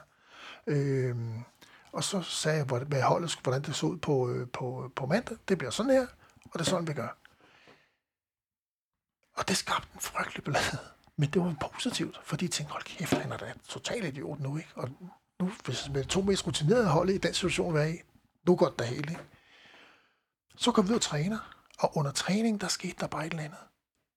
Da træningen er færdig, der øh, er der nogle afslutninger nede i den anden ende af banen, ned til venstre, nede på, vi træner på stadion den dag. Og der kan jeg huske, at jeg står og tænker, vi vinder kraften på der. Nu er der sket et eller andet, fordi der er sket et eller andet, fordi udover at der om lørdagen har smidt dem der af, så har jeg selvfølgelig råbt og skreg af dem, og sagt, nu var I kraftet med, og kaldt dem alt muligt. Ikke? Så, så, på den måde, de tænkte, hold kæft, det er lige om lidt slår han os ihjel. Ikke? Så det spiller jeg lidt på. Så da vi kommer til, da vi kommer mandagen kører til Midtjylland, så sker det heldigt, at Rasmus Hansen, han bor i nærheden. Men han kommer for sent til kampen. Og det udnytter jeg også, og jeg råber og skriger den skælder ud til højre og venstre og kraftede hvor jeg kan pisse godt lide Rasmus. Jeg synes, han er outstanding. Altså, jeg elsker ham kraftede, som, som jeg, jeg, jeg synes, han er outstanding. Men han fik turen, for det udnyttede jeg jo også, ikke? Og jeg kan huske Ildsø og Sølvi, som var nogle af profilerne på det tidspunkt. Dem skældte jeg ud hele tiden. Lige den periode, der skældte dem ud hele tiden. Fordi Bare for at skabe den der fandme voldskede stemning. Ikke? Og den fik vi så derop. For det kunne godt mærke, derop, der, hvis vi tager derop, så havde vi et problem. Og det er sjovt hele igen med små marginaler. Vi fører 2-0 i Midtjylland. De kommer på 2-2. Og det skal vides, da vi tager til Midtjylland, Midtjylland vil elske at vinde over os, fordi for det første har de ikke vundet over os indtil nu, og for det andet har jeg været lidt efter dem op. Så de vil elske at vinde over os. Men da vi stillingen 2-2, der skulle vi køres over. Så ændrede de deres opstilling, så de matcher også i en 3-5-2, og der var vi bedst. Og så vinder vi 4-2. Fantastisk historie. Ja. Det var så startskuddet på en, øh, en, en hæsblæsende slutning af sæsonen, hvor, hvor I heldigvis ender med at overleve.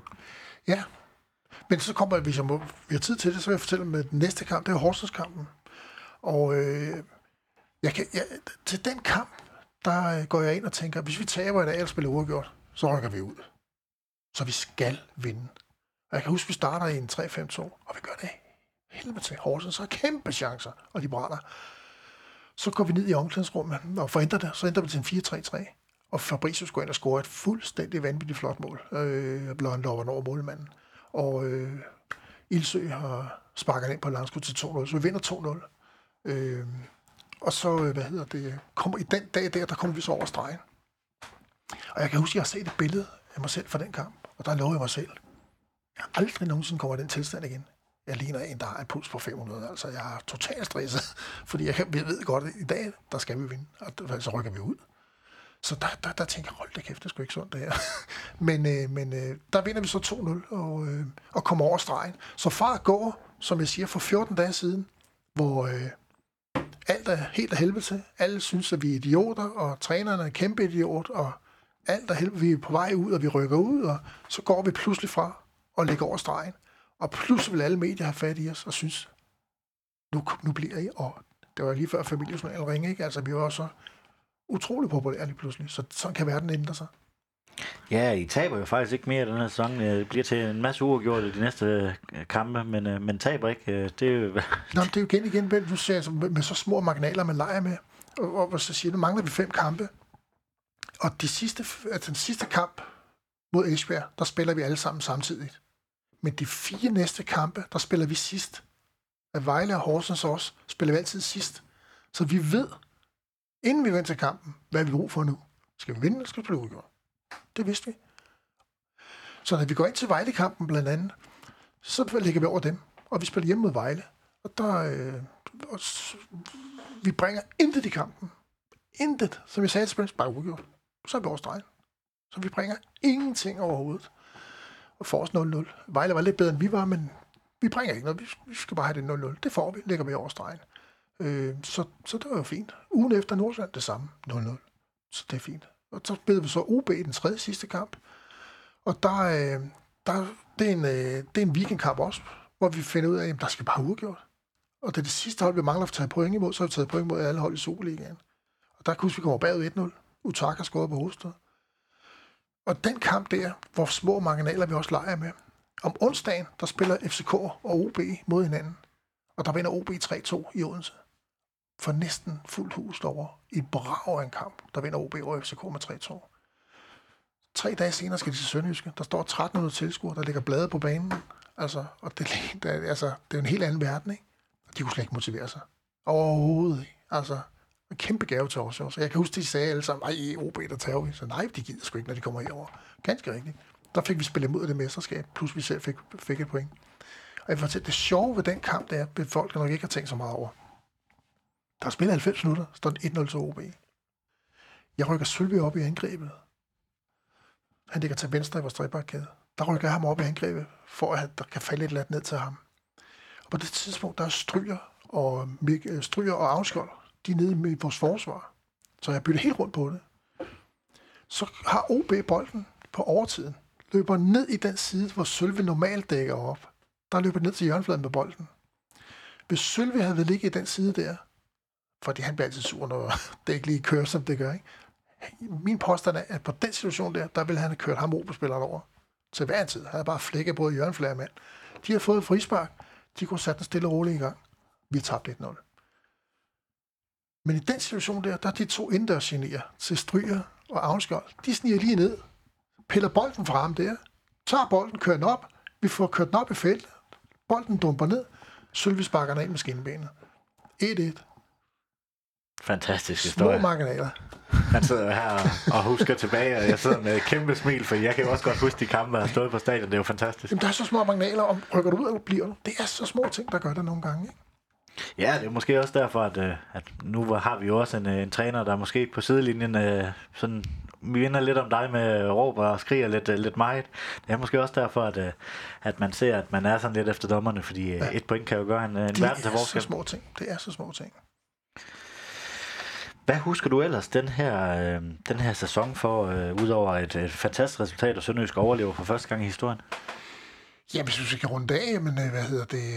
Hvis vi må runde af med det, fordi der mangler to kampe. Jo. Det må du gerne. Ja, fordi der er faktisk også en meget sjov historie, faktisk, fordi at øh, da, vi skal spille op i Aalborg den, den anden sidste kamp, og der, øh, der, hvis vi vinder der, så er, så er vi 100% sikre på at blive i rækken. Og øh, vi kender jo hinanden rundt, og jeg kender Allan Kuhn rigtig godt deroppe, og han var træner for, for OB på det tidspunkt der. Og da vi kommer til Aalborg, der får vi så holdopstillingerne. De får vores, og vi får deres. Og der, det er helt pinligt at sige det nu, men det er faktisk sandt. Der tænker jeg, den er kraft med god nok, den der. Hold kæft, et lortehold, de stiller af OB. De havde mange kantaner og skader, og de stiller simpelthen det værste af det værste. Jeg tænkte, den er god nok, den der, Den vinder vi. Og vi starter af helvede til. Og vi er, det er et mirakel, vi ikke er langt bagefter i første halvleg. Men øh, vi får så dog øh, 1-1 i pausen, og må heldigt gå ud med 1-1 i, i den kamp der. Men, øh, men der havde jeg sgu en klar forventning om, at der skulle vi en afgøre tingene, for desværre ikke gjort det. Og så kommer den sidste kamp mod Esbjerg, hvor der sker en hel masse i de første fem minutter, hvor, hvor Beckham scorer en gang, og så sker der ingenting igen i de næste 85 minutter, og vi går ud af, af sæsonen. Og jeg kan huske, Nikolaj Wahl, han siger, da, da, da vi skal i gang med overtiden, der er den slut nede i Horsens, hvor han siger, Horsens vundet, eller øh, OB har vundet 2-1. Vi er sikre på at blive. Og der var vores kamp i gang, og der kunne jeg slet ikke tage det ind. Jeg stod stadigvæk der, som om, at puh, men det var der ikke sker noget. Jeg kunne slet ikke tage det ind. Så det var meget sjovt. Fedt. Ja, det var jo en, øh, en, en fantastisk sæson, og ja. også øh, at du var ude, og din påstand med, at vi overlever, det fik du, øh, ja. det fik du ret i. Hvordan var det at stå lidt som sejrfærdig? Der må være lidt personlig stolthed også. Jamen, det er rigtigt, men, men ved du hvad, jeg var så træt, fordi jeg havde sagt jo for to måneder siden, du lægger alt i det her. Altså, alt. Øh, og øh, det gjorde jeg så sandelig også, for da, da, da, da dommer fløjtede af, der var, jeg var simpelthen så træt. Øh, jeg, kan, jeg kan fortælle en sjov historie, der er nede i vores trænerrum, der havde vi sådan et lille bitte fjernsyn. Altså, på størrelse med en computer. Sådan en sort-hvidt fjernsyn. Og der så vi nogle gange, hvis der, vi kom lidt tidligt, du ved, der var lidt fodbold fra, fra Superligaen, eller så sport, eller et eller andet. Det stod nede i det trænerrum. Jeg kan huske på et tidspunkt, jeg sidder bare dernede med benene op på bordet og drikker en cola, og jeg er fuldstændig smadret. Så tager jeg mig selv i at sidde og kigge på onsite, at der er op, eller hvad hedder det, øh, overlevelsesfest i Sønderjyske. Der sidder jeg og kigger i fjernsynet. I trænerrummet jeg tænkte, hvad fanden laver du, mand? Så gik jeg ind i omklædningsrummet. Det var selvfølgelig helt tomt, lige en bombelokum. Og tænkte, jeg skal jeg gå op? Så sagde jeg, nej, det overgår jeg kraftet ikke, du. Så satte jeg mig ind på stolen igen. Og så jeg drak den der cola og kiggede i fjernsynet. Jeg var så færdig. Jeg havde ikke mere at give af. Jeg kunne simpelthen ikke mere. Så jeg sad bare dernede og glod. Og så der, der gik langt, jeg tror, gik en halv til tre til, og så sagde jeg, nå, så pakker jeg tasken og kører det hjem. Jeg var helt færdig. Jeg, havde ikke, jeg kunne ikke bide en banan over, jeg var helt færdig. Så det var der. Det er vel også øh, meget godt sådan billedet på dig, at får 100% og giver alt, ja. og når det, så puster man ud. Ja, jeg var helt færdig. Altså, jeg, jeg har aldrig været så træt før. Øh, en af de spillere i den sæson, der var meget at snakke om, det var Ilsø. Øh, en stor stjerne, hænger også øh, en trøje her i, i studiet der var både rygter øh, i, i pausen, og han ryger jo også øh, efter, efter overlevelsen. Hvordan var det med alt det polemik, der var omkring ham, og gjorde man noget for at holde specielt på ham? Var, var, han var vel nødvendig for, ellers kunne det her aldrig have ladet sig gøre, tænker jeg. Jeg ved ikke, han var ikke med i de sidste fire kampe, jo, for det var han blev skadet, ikke? Så, så selvfølgelig kan vi også klare os uden ham, men, men selvfølgelig var han også vigtig. Altså, men han var vigtig på mange parametre. Altså, udover at han er en fantastisk fodboldspiller, så er han jo en kæmpe personlighed. Altså, jeg, jeg synes jo, han er fantastisk. Det skal sgu ikke være nogen hemmelighed. Altså, jeg kan pisse godt lide ham. Men du skal også vide, altså, han er jo en, han er jo også en type, man sådan lidt kan slå sig på. Ikke? Og der er ret overbevist om, at, øh, at, øh, der er mange omklædningsrum, der også har slået sig lidt på ham, jo, som også så lidt skævt til ham, jo, fordi han var den type, han var. Så det kræver jo også en mand lige nogle gange at fordele det lidt, ikke? fordi vi gav ham nogle friheder, jo, som andre også godt ville have. Men de havde bare ikke hans kvaliteter.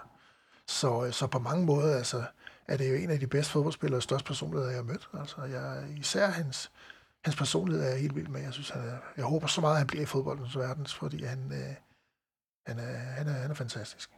Ja, jeg snakkede med ham i, januar, hvor han snakkede lidt om, nu han stoppede jo sin karriere i går øh, på grund af en dopingkarantæne, det, det er vi kede af. Det, han har en kæmpe stjerne ved os, øh, mm.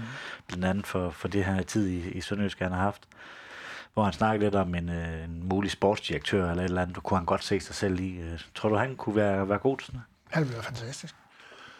Det er slet ikke Han har jo en kæmpe erfaring, også nu han har været ude i den store verden. Altså, øh, så er det sgu være lige at rode sig ind i sådan en lille dopingdom her, så fred være var det ikke. Altså, vi er, vi er alle sammen kvejer og nok på et eller andet tidspunkt med et eller andet, ikke?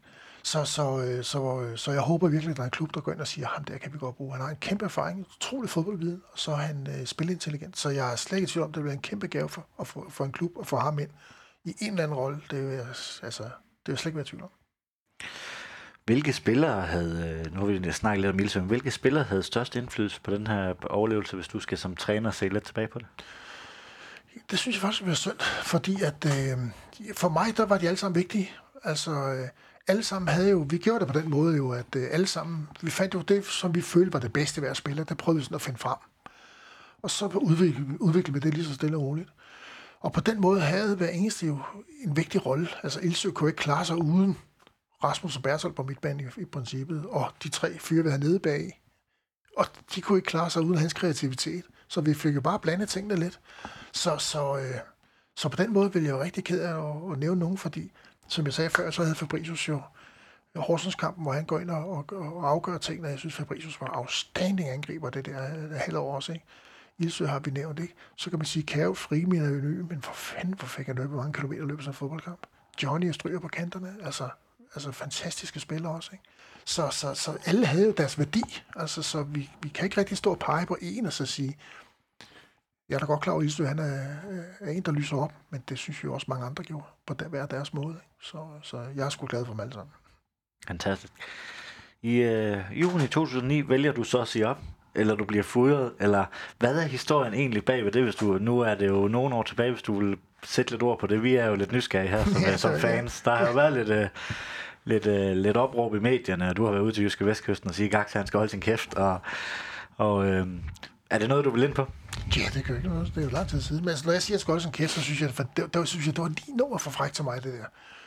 Øh, jeg kan fortælle det helt nøjagtigt, hvordan det foregik. Det var, da vi vinder over Horsens 2-0, så op til Vejlekampen, der hvad hedder det, holder jeg et møde med Gaxe. Og der spørger han mig om, øh, fordi ledelsen og han, de har haft et møde, og de så rigtig gerne, at jeg blev i klubben. På det tidspunkt, der er jeg på en funktionærkontrakt. Og der siger han til mig, at de så gerne, at øh, jeg lavede en treårig kontrakt øh, med dem. Øh, så sagde jeg, jo, så sagde jeg, det var, det var da ikke umuligt, men, øh, men på det tidspunkt der, der er jeg ved at være lidt træt øh, fordi jeg ligger altså og kører fra længere væk end Roskilde ikke? til Haderslev fem gange om ugen. Og der var jeg, så, jeg alene med to børn, ikke? eller var jeg alene med to børn dengang. Og det krævede sgu sin mand. Øh, og de var lige omkring konfirmationsalderen på det tidspunkt, så det krævede også lidt. Ikke? Så der, der, var, der kunne jeg godt mærke på mig selv, der var sgu lidt. Og der sagde jeg nøjagtigt til Gaxe, lad os lige trække lidt, jeg skal lige gå og tænke lidt. Men hvis vi rykker ud, så bliver jeg, sagde jeg. Fordi jeg har det der med, at jeg vil gerne vil afløbe med Superligaen. Så hvis vi rykker ud, så bliver jeg. Hvis vi bliver i Superligaen, så er jeg fandme i tvivl. Det, det må jeg være ærlig at sige, sagde jeg. Øh, fordi så følte jeg ligesom, jeg havde gjort det, jeg skulle. Så sagde Garcia, vi, vi lader den lige ligge, og så kan vi skulle lige tage den på et tidspunkt. Fint. Da turneringen er færdig, der holder vi møde efter den sidste kamp. Øh, og så tager vi en samtale der. Og der, der, var jeg sgu, der var jeg sgu træt. Der kunne jeg godt mærke, der havde jeg sgu ikke rigtig mere at give af. Øh, lige så træt jeg var om søndagen der fra, fra Esbjerg-kampen det, det var jeg jo ikke kommet over, så der, kunne, der jeg havde sgu svært ved at se, hvordan jeg skulle ligge og tøffe over til, til Haderslev. Men øh, omvendt så var jeg jo, og det var jeg virkelig, og det mener jeg virkelig, jeg var super glad for at komme med. Jeg var virkelig glad for at komme med, men jeg var bare træt. Øh, så jeg sagde til Kaks, jeg ved sgu ikke rigtigt, jeg, jeg, jeg, jeg, jeg, jeg, jeg, jeg, det tror jeg sgu ikke rigtigt på. Så sagde Gaxe til mig, på en gang, kør hjem og tænk over det på dag. Og så, øh, hvad hedder det, øh, så ring til mig fordi at, øh, vi vil rigtig gerne have, at du bliver, ikke? Eller det vil hele klubben, sagde han. Så sagde jeg, det er bare i orden. På hjemturen, der rammer jeg Fyn, og der ringer jeg til ham, og så siger Gaxe, jeg orker sgu ikke mere. Jeg har det sgu ikke mere, jeg er fandme træt, du. Jeg orker ikke at køre den her tur mere. Jeg, jeg, det kan jeg sgu ikke. Jeg, jeg vil hellere, så vil jeg hellere sige det nu, så du kan nå at finde den anden, så jeg skulle gerne stoppe. Og så sagde Gaxe, jamen, det er sgu ok, men vent lige med at sige det til nogen. Det er sådan historien er. Ja, og han er så ude og, og, og sige alt muligt andet. Og hvorfor blev det sådan et, jamen, et, et, et medieshow? Ja, jeg var jo ikke en del af det der, for jeg anede ikke, hvad der skete. Og, og, og det mest mærkelige er, hvorfor fanden ringer Jyske Vestkysten ikke til mig? Hvorfor ringer jeg ikke spørge? Det er da mærkeligt. Og det synes jeg, den eneste, der ringer, det er nede fra den tyske avis der. Han ringer, kan jeg huske, og så stiller han øh, spørgsmål i den retning. Og jeg tænker, hvad fanden snakker manden om? Øh, og så ringer Tyskland på et tidspunkt, også lidt i den retning. Jeg tænkte, det var sgu da mærkeligt. Og så skriver jeg både til Claus og øh, Gaxe, og skriver sådan, hvad fanden det her for noget? Og der skriver begge to, ja, det er bare medierne, de er helt håbløse. Skriver så bare, det, det, det, det, det skal du sgu ikke tænke over. Så tænkte jeg, okay, det er fint. Så slår jeg det ud af hovedet. Og så sker der så det, der går ikke ret mange uger før, så styrter jeg op på en cykel, øh, hvad hedder det, og rimelig meget sengeliggende, og så er jeg jo lidt ude af, jeg læser ikke medier, eller ikke på computer eller noget som helst i en lang periode, fordi jeg ligger derhjemme med jernrystelse og meget andet. Øh, og så går der mange år, og pludselig er der en af mine kammerater, der siger, ah, har du set, hvad der står i en eller anden, en eller anden klubblad, eller fanden der var over. Så, så fik jeg det, og tænkte, det var sgu da noget mærkeligt noget at skrive, tænkte jeg. Så ringer jeg til Jacob Ravn, og siger, hvad fanden det er for noget fis? Det har han sgu da forståelsen af. Og så var den kørt med alt det andet der, ikke? Og jeg tænkte, og Gaxa siden, hvor jeg, jeg mødte Gaxen, jeg har mig med en gang imellem, Hvor han siger til mig, det skal du sgu ikke tro på. Det er bare medierne, der skriver noget fint, skriver han jo så. Jeg siger han så ikke. Men jeg ved godt, hvad der er sket. Så, så, så jeg ved godt, hvorfor han har sagt, som han har gjort. Så, så det, øh, det må han om. Det er fint. Jeg, og jeg skal ærligt sige, jeg kan pisse godt lide Gaxe, det kan jeg stadigvæk. Men jeg ved også godt, at han er en bandit, så det, det er sådan er det. Men hvis jeg skulle være igennem samme rumle en gang til, jamen, øh, så skulle der være med Gaxe som sportschef. Han er absolut en af de skarpeste øh, sportschefer i Danmark. Der er slet, men han er også en bandit, så det glemte jeg bare lige det øjeblik der. Den havde jeg ikke lige, øh, han lavede det nummer. Var der også lidt, altså nu siger du, du er træt, men, men var der også lidt med den her svære anden sæson, altså man, øh, man ved jo, at øh, du lavede næsten det umuligt, altså det kan vi jo godt sidde og sige her øh, nogle øh, mange år efter. Øh, var det også det, man lidt frygtede, at nu stopper man ligesom på toppen, for det kan simpelthen ikke overgås det her? Og sådan tænker jeg slet ikke. det gjorde slet ikke. Altså, det har ikke generet mig. Altså, hvis vi kunne have flyttet Haderslev til, til Roskilde, eller så, så havde jeg skulle tage den derfra. Ikke? Men jeg, jeg, jeg orker bare ikke at køre den tur med. Jeg, jeg, jeg, jeg, jeg havde sgu ikke. Jeg var så træt, kan jeg fortælle dig. Også hvis man, du skal forestille jeg er lige med to børn, ikke? og skal ligge og køre helt til Haderslev. Det tager cirka to timer hver vej. Ikke? Så det var kun derfor, at uh, jeg har været 10 år i Roskilde, jeg har været 6 år på Falster, og der rykker vi op to gange hver, hver sted. Ikke? Og så kunne jeg også have sagt, det er jeg jo, nu er der en anden sæson eller tredje sæson. Jeg er sgu ligeglad, altså. Det havde vi også klaret, altså. Men, men jeg var bare færdig. Altså, jeg, jeg havde ikke mere at give af. Jeg var så træt, kan jeg godt fortælle dig. Du overvejer dejligt at flytte til Smukke Halsle? Jo, det gjorde jeg faktisk. Øh, det gjorde jeg. Jeg fik faktisk også tilbudt det. Øh, øh, og overvejede kraft, jeg kiggede faktisk også på hus. Så øh, det gjorde jeg faktisk, fordi at klubben havde tilbudt mig den kontrakt, og de havde faktisk spurgt mig, om jeg ikke ville flytte over. Så øh, jeg gik faktisk i nogle uger, i der de sidste periode, det der fem kampe der, hvor, hvor der manglede, der kiggede jeg faktisk overvejet, og kiggede også på noget, sådan lidt godt ud på Bøgeland, og kan jeg huske, at jeg kiggede på noget. Men øh, på det tidspunkt, der havde mine børn efter en lang periode haft det rigtig svært i skolen. Og der var de begyndt det sidste sådan halvårs tid at fungere rigtig, rigtig godt i skolen, og de var glade for skolen lige pludselig, og det alt fungerede. Så havde jeg fandme svært ved at hive ud af skolen, og derfor flyttede jeg ikke over. Det giver, det giver god mening. Så, ja. Det var jo også en uh, sæson, hvor du kom i, uh, kom i rigtig, rigtig fint selskab. Du blev nomineret til årets træner sammen med Ståle, Morten Olsen og Lars Olsen, der var træner i Odense. Var du ikke lidt skuffet over at vinde den? Altså med de midler, du havde, så tænker jeg vel, at personligt, hvor du har synes, i hvert fald mig som sønderjyske fan, synes, at uh, din præstation var bedre end deres. Sgu ikke. Jeg, jeg tror mere, jeg var skuffet for at blive nomineret, for jeg gider ikke sådan noget. så øh, det, fordi hvis jeg skal være helt ærlig, så, så, så, så, så det her er jo ikke en, en, en Carsten Bro-præstation. Det er det jo ikke. Altså, der, hvis vi ikke havde haft, nu nævnte jeg Gaxe før, hvis han ikke havde været sportschef, så havde vi ikke kunne gøre det her. Hvis jeg ikke havde haft Nikolaj Wahl, Janus Blot og Henrik Saab omkring mig nede i trænerrummet til at, at, at støtte op omkring tingene, så har vi aldrig fået succes. Hvis vi ikke har haft Claus Rasmussen op på kontoret, til hele tiden de at hive lidt i trådene, du ved, og, og, og, og sørge for, at tingene fungerer dernede, var vi aldrig blevet. Så det er jo en, det er jo en sønderjyske præstation det er ikke Carsten Bro præstation. Så når jeg har sådan nogle med sådan noget, når jeg, når jeg ser, at alle de her træner bliver kåret til et eller andet, så har jeg sådan lidt, hvorfor fanden er det ikke et trænerteam, man går? Altså, der er jo mange i det her, altså, der, der er mange, der gør noget. Altså, det var ikke sådan, at jeg var ude og træne dem hele tiden, eller, der var ma- eller sagde noget til mig. Der var mange omkring det her. Der var også nogle spillere. Der var nogen, der, var nogen, der der er nogle, jeg, jeg taler en gang med nogle spillere, der ved, jeg med dem ude på stadion, så ude og kigge lidt eller andet. Så var der en gang en, der sagde til mig, at han følte også den periode, at jeg var sådan, øh, når de var lidt nede med energien og så videre, så var jeg god til at få dem op, du ved, der, du ved lige så energien altid var god i kampene, og god til at motivere dem og så videre, og så videre. Det er fuldstændig rigtigt. Det ved jeg da godt. Men den energi og den motivation skal jeg jo finde et eller andet sted. Og når jeg var der længst nede, måske var jeg tænkt, puh, der mangler lidt, så gik jeg op til Claus Rasmussen. Og han var pissegod til at give mig energi. Så det her, det er ikke en Carsten Bro præstation. Det er en sønderjyske præstation, og det er det, man skal forstå.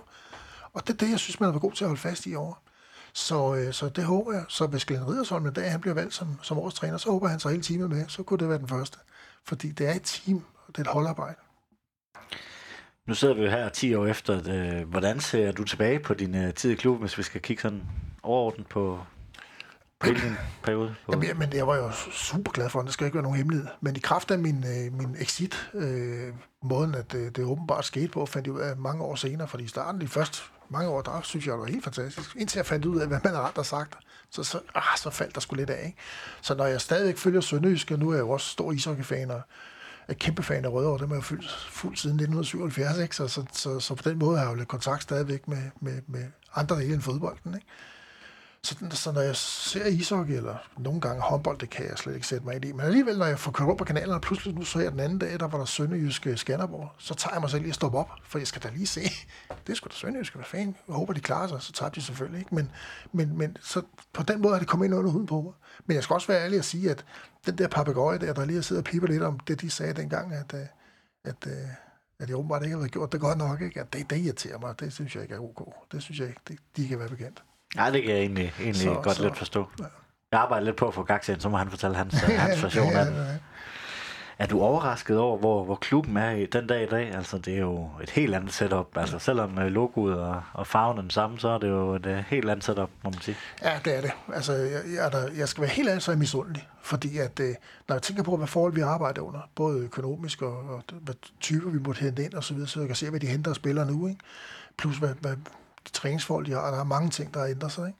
Så, så der er klart, der tænker jeg, hold da kæft, hvis vi har haft de forhold, hvad kunne du så være bunget? Ikke? Så, øh, så det er da klart, det, det må jeg sige. Så det er positivt. Men om det kommer bag på mig, det gør det ikke. For allerede dengang, der sagde jeg, at det her, det, det bliver ved. Altså, de sagde jo. Altså, så, så det gør det også. Og det, det er bare skruen i vandet. Altså, det forsvinder først den dag, de glemmer, hvor de kommer fra. Så, fordi jeg kan huske, da jeg, nu startede vi, da vi talte sammen, der startede vi jo med at sige, at vi skulle bygge en kultur op. Og man jo lidt drilleagtigt over på, på Sjælland København sagde lidt negativt om Sønderjysk. Ikke? Og den kultur fik vi jo vendt rundt, så man arbejder for tingene. Ikke? Og hvis du kigger på, på området dernede, ikke? hvis man skal være helt ærlig, men hvad, hvad fanden er det for et område? Ikke? Altså, når jeg var nede til kampe i, i Haderslev, så er det ikke balletdansere, de gider glo på, vel? Så hvis vi kommer ind på det en gang til, jamen så får de et problem. Men hvis de ydmyger, de arbejder hårdt og holder fast i kulturen og det miljø, der er bygget op, så kører de videre. Så nu er Nordsjælland, det er jo dagens modstander, du arbejder jo i Nordsjælland, så sådan en, du tror ikke sådan en, øh, en spillestil som den vil, øh, vil gå i Haderslev? Nej, det tror jeg ikke på. Nu er det jo heller ikke, øh, selvom Glenn han siger, at vi skal være, vi skal være spille fodbold og sådan noget, så er han jo også med, med rod eller med rødder ja. i, de, i de gamle dyder. Ja. Nu snakker du lidt om uh, til indledningsvis, at, uh, at, at kulturen var lidt, uh, lidt mere fornemt, da du startede i klubben. Kan man sige, at du var med til den kultur, der er i dag, at du måske var lidt mere til at bygge den op helt fra start af? Jeg ved ikke, om den, som den er i dag, det vil jeg ikke gøre mig klog på, men det, dengang, der tror jeg nok, jeg var en vigtig faktor med, med, med hvordan det skulle være. Fordi at øh, Gax er jo også selv den type, ikke? men altså det var dengang i hvert fald, der, der fik vi ændret udviklingen. Øh, om det så hænger ved i dag, det ved jeg sgu ikke, men, øh, men dengang, der, der ændrede vi det i hvert fald radikalt. Altså, altså det var ikke sådan, der... jeg kan da huske, når vi, øh, vi sad dernede og, og kiggede, og Ilsø havde driblet ud af fire mand, ikke? så sad folk stadigvæk bare og kiggede, men når så der kom en og taklede igennem, så tænkte det er kraftet med gutter, mand, ham det er. Altså, det, det, det var det, tilskuerne ville have. De skulle have nogen, der arbejder for tingene. De gider ikke på anden ballet, balletlort, så, så det var det er noget helt, helt andet. Ikke? Det passer måske egentlig også, altså sådan, lige på daværende tidspunkt, meget godt til dig. Nej, fordi jeg, vil, jeg startede faktisk op op i Ølstykke og tænkte, vi skal gøre noget af det, som jeg gjorde på Falser. Men det kunne jeg godt se, det kan du godt glemme alt om. Glem det, altså. Det, det, det, så den skulle jeg væk med det samme. Og så tænke, i stedet for, at de prøver at finde ud af, hvad jeg gerne vil, så var det måske klogere, at jeg fandt ud af, hvad er kulturen her? Hvad fanden inde, hvad indeholder nede det her sønderjyske? Hvad, hvad fanden er det? Hvad er det for nogle mennesker? Hvad er det for en kultur, der er? Og der tænkte jeg, at det er noget helt andet, de vil have hernede. Og så bygger vi det op derfra. Så i stedet for øh, at være rejsende i et eller andet, hvor man tænkte, at det er sådan her, jeg vil have det, så prøvede jeg at finde ud af, hvad fanden er det egentlig, de, de gode til hernede. Så, så det var det, vi gjorde. Jamen, øh, så er jeg faktisk øh, igennem mit manus øh, her på faldrebet. Er der noget, du mangler at få sagt? Nej, det tror jeg sgu ikke. Jeg tror sådan nogenlunde, jeg har været igennem det hele, så, så må vi jo ringe ved. Ja, du er altid velkommen til en uh, god historie her i, her i studiet. Det har været fantastisk at have besøg dig. Tak til Carsten Bro, Sønderjyskes tidligere øh, cheftræner. Tak fordi jeg kiggede forbi. Moin. Moin. En stor tak skal lyde til Fuglsang, Sydbank og Murgrej.dk. Uden dem var denne podcast ikke mulig. En stor tak skal også lyde til dig, der lytter med. Uden dig var der ingen grund til at lave denne podcast. Vi sejser møg, mandetak. tak.